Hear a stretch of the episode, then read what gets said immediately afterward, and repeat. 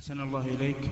امرأة تسأل وتقول هل زوج بنت بنتها يكون محرما لها؟ أفيدونا جزاكم الله خير. نعم. زوج بنت البنت محرم للجدة لأن من من تزوج امرأة صار من محارم محرما لأمها وجدتها من قبل أبيها وجدتها من قبل أمها وجداتها وإن علت نعم